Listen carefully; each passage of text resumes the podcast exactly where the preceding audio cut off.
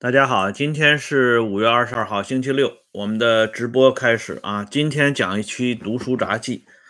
今天的这个读书杂记啊，啊，跟地震有关系啊。这是讲一下咱们伟大领袖在生命的最后关头，对当时中国境内发生的两场地震的重点关注。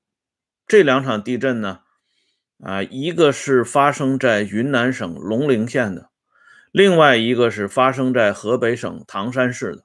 啊，唐山大地震大家都很清楚，而且这两起地震呢，都是发生在公元一九七六年，也就是说，在伟大领袖暂时告别党和人民的前夕啊，突然发生了这么两起地震。这个事情啊，呃，按说呢。它是属于自然现象啊，这个为什么由此啊引起了伟大领袖的关注呢？同时啊，还跟大家说另外一个事情，就是毛泽东晚年啊特别看重的一篇古文啊。我们都知道领袖好读书啊，他经常呢把读书当中的一些重要心得批示给身边的工作人员、亲属和高级领导人和高级干部。让他们呢进行共同的学习。啊，在文化大革命当中，江青有一篇重要的讲话，后来定题目为“为人民立新功”，这是在中央军委扩大会议上江青公开的讲话。那么这篇讲话当中也提到了毛泽东最喜欢的一篇古文，这篇古文的名字叫《楚龙睡赵太后》。大家也知道这篇古文啊，因为我们在上学的时候，这篇古文是作为课文啊，大家都学习过的。那这篇古文当中有一个关键词，在今天对这两起地震的关注当中也会专门提到。那么好了，我们先来看一下呀，呃，地震的情况啊。这里呢，我们看一下这个核定本啊，嗯，从。公元一九二七年五月份开始，到公元一九四九年十月一号截止。那么这个时间段呢，呃，是以蒋介石为首的国民党进行的统治。啊，这个二十多年当中呢，中国境内的地震一共发生了四起。再往前追一下，就是从公元一九一八年到公元一九二五年，这是所谓的北洋军阀统治时期啊。这个时呃这个时间段当中呢，也发生了四起地震啊。大致的情况呢，就是说从大清朝灭亡之后到新中国成立，一共发生了八起地震。接下来我们再来看一个，就是说从公元一九四九年算起，到公元一九七六年，这二十七年当中，正是伟大领袖领导我们中国人民奋勇向前的日子。这二十七年当中，一共发生了十二起地震。啊，换句话说呢，之前啊，这个。民国时代，就是北洋政府和国民党政府在的时候，在长达啊三十啊三十多年的历史当中，一共发生了八起地震，但是加在一起呢，也没有伟大领袖领导中国人民的这二十七年当中发生的十二起地震多啊，至少在数量上，呃，伟大领袖啊管理中国时候发生的这个地震呢。就已经超越古人了。至于这个规模呢，估计也应该暂时啊没没有发现后有来者的概念，因为唐山大地震这个规模太大了啊，这个伤亡的人数呢，至今啊似乎还没有哪一场地震呢能够超越。中国境内的没有超越，好像世界各国呢也没有超越啊，所以领袖留下的这个记录呢。也是长存青史啊啊，让我们至今感叹不已。嗯，那么，在领袖领导中国人民建设新中国的这二十七年当中发生的这十二起地震里边，我们注意到，其中有七起地震啊，就是七次地震是集中发生在公元一九七零年到一九七六年之间。啊，就是说文化大革命十年当中发生了七起地震。那如果从一九七零年到一九七六年来算的话，那不到七个整年发生了七起地震，那几乎是一年不到一年就来一起地震，这是平均啊，平均而言。所以这个动静呢，应该说也是啊前无古人。至于。后边有没有来者？目前也不敢做这个特别准确的判断，因为这个啊，世界它是不断的发展的啊，不断的更新的。那么我们现在呢，就来集中关注一下公元一九七六年五月二十六号啊，五月二十九号啊发生的这起云南省龙陵县的地震。这个地震呢是七点三级到七点四级。啊，这个地震的级数呢，低于啊一九七零年的通海地震，低于一九七三年的汪清地震，啊，但是这场地震呢，还是引起了伟大领袖的关注，特别是这个云南省龙陵县这个地名啊，当时呢，领袖身边的工作人员。向领袖汇报，那个时候领袖的身体也已经不行了啊。这个人把这个名字给他写上来，龙陵县啊。领袖呢对这个名字端详了半天，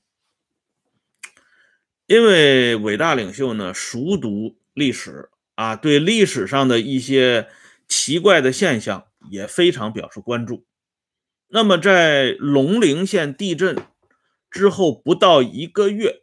啊，我们看一下《毛泽东年谱》，官方出版的这本《毛泽东年谱》当中记载了一件事情，就是一九七六年六月二十五号这一天下午三点，毛泽东与华国锋进行谈话。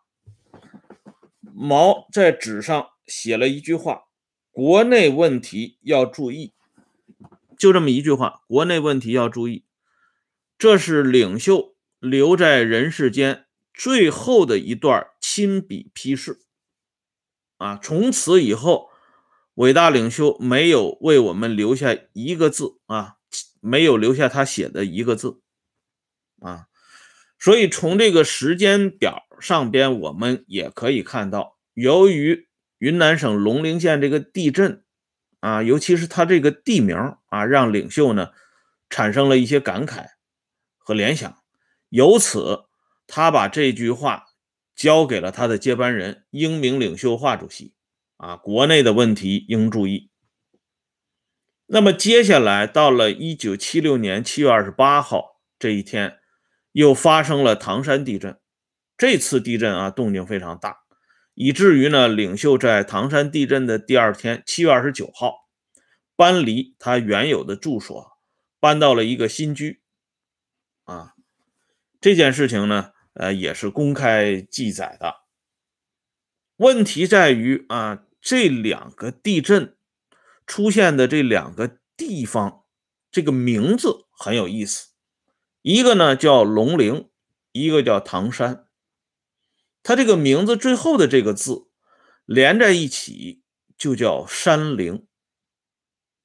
刚才我跟大家提到的。毛泽东生前最喜欢的一篇古文之一《楚龙睡赵太后》，这篇古文当中有一个关键词，就跟这个“山陵”两个字有关系。当时楚龙老先生说了一句话：“一旦山陵崩，长安君何以自托于赵？”什么叫山陵崩啊？啊？山陵崩在中国古代呢，指的就是掌权者或者是帝王啊，最高呃这个当局去世的状况，所以叫山陵崩啊。后来呢，这个大家也都知道，驾崩啊，这个什么的，都是指皇帝这个级别的去世才能用这个词。问题是，这个龙陵和唐山这两个地区的名字正好嵌入“山陵”这两个字。况且呢，地震本来就是天崩嘛，哎，所以这两个字当中的，呃，再加上这个“崩”字，“山陵崩”，啊，特别容易让人产生。联想，尤其是这个伟大领袖，他呢对于这方面的知识呢非常丰富。我给大家看一本公开出版的啊，《走进毛泽东的最后岁月》这本书当中有一段伟大领袖的最高指示啊，领袖是这么说的：我相信中国有一派学说叫做天人感应，说的是人间有什么大变动。大自然就会有所表示，给人们预报一下，吉有吉兆，凶有凶兆。这是毛泽东对他身边的工作人员小孟亲口说的。因为这件事情呢，是起自于新华社在一九七六年四月二十一号的这么一篇报道。小孟呢，当时正在给毛泽东读报纸，就读到了这篇这篇报道。毛泽东非常关注。因为在一九七六年三月八号这一天，吉林啊掉了一大批这个石头啊，就是陨石雨啊。其中呢有一块特别大，重量呢据新华社报道是一千七百七十公斤，大大的超过了当时世界上收藏的最大的陨石的重量一千零七十八公斤。这个小孟读完这个消息之后呢，毛泽东马上说。啊，记住啊，这“马上”这个词，小孟就读到这里吧，不用再往下读了。啊，领袖呢叫停了小孟的读报纸的这个情况，然后啊，毛泽东穿上拖鞋，由小孟搀扶着走到窗前，让小孟把窗帘打开。毛泽东站在窗边，望着夕阳渐落的天际，望了很久很久，望得那样出神。啊，这都是这本书里边的描述。这本书的描述呢，是来自于小孟同志的口述啊。至于是否可信呢，这个要由小孟同志来负责啊，我们不负责。这个时候呢，在伟大领袖和小孟之间就有了这么一段对话，就关于讨论这个石头的问题。小孟呢，作为革命小闯将，他表示不相信，因为这是封建迷信。但是伟大领袖呢，语重心长地告诉他。天摇地动，天上掉下大石头，那就是要死人啊！《三国演义》里的诸葛亮、赵云死的时候，都掉过石头，折过旗杆。大人物、名人，真是啊，与众不同，死都死的有声有色，不同凡响。小孟回忆这段事情的时候，他说：“毛泽东说这些话的时候，带着少有的感慨，少有的激动。”哎，最后呢，毛泽东还是啊不死心，又问了一句小孟：“我说的这些你信不信啊？”小孟说：“我不信。”毛泽东没有马上回答，只是自言自语了一句话，说：“古人为什么要编造这些呢？”啊，所以据小孟的回忆说，一九七六年四月二十二号这一天，毛泽东在听到吉林陨石雨消息的这一天下午。不止一次的站在窗前，望着天空，每次时间都很长。啊，那么这段回忆呢，也让我们感受到伟大领袖对中国古代一直流传甚久的这个天人感应之说，有一定的啊自己的这个独立的认识和见解。这个恐怕是当时啊很多这个革命小将们无法理解的。啊，而且呢，领袖也为我们留下了一个巨大的课题，那就是说，这些东西如果不可信的话，古人为什么编造这些东西呢？啊，这个恐怕要由我们今天的一些科学家来解读了啊。这里边呢，我们顺便提一下，毛泽东对这个石头掉下来这件事情啊，特别的关注，还恐怕还有一个原因，这个原因呢，我们只能用一个旁证来解读，因为我们没有办法爬到领袖的肚子里啊，去了解领袖真的是怎么想的。但是呢，有一些历史的公开资料帮助我们了解领袖的内心世界。在一九五九年第一次庐山会议期间，啊，康生呢曾经亲口批判过彭德怀，他说彭总这个人啊，野心特别大，啊，你看他起的名字。啊，他原名叫彭德华，就是要得中华，这是一个啊，这个大家都知道了。另外呢，他还说彭德怀用的一个化名，彭德怀有一个化名叫石川啊，就是水滴石穿那两个字。哎，所以呢，康生就说毛泽东同志的小名大家都知道叫十三牙子，可是你彭德怀取个名字叫石川啊。你要穿谁呢？你要超越谁呢？啊，这个话说完之后呢，据后来江青讲过啊，这是江青说的。江青说，主席说了啊，康老的一些意见很尖锐，我们以前也没有想到过啊。那么领袖指的是不是康生说的这段话，我们也不知道。但是康生说的。这个话呢，也反映在毛泽东心目当中和在他的人生啊呃过程当中的一个概念啊，所以毛为什么那么关注这个陨石雨那个大石头掉下来，是不是跟他的这个小名也有那么一点关联？这个呢，只是我们的一点猜测啊，没有最直接的证据。嗯，好了，那么今天呢，我们咋把这个？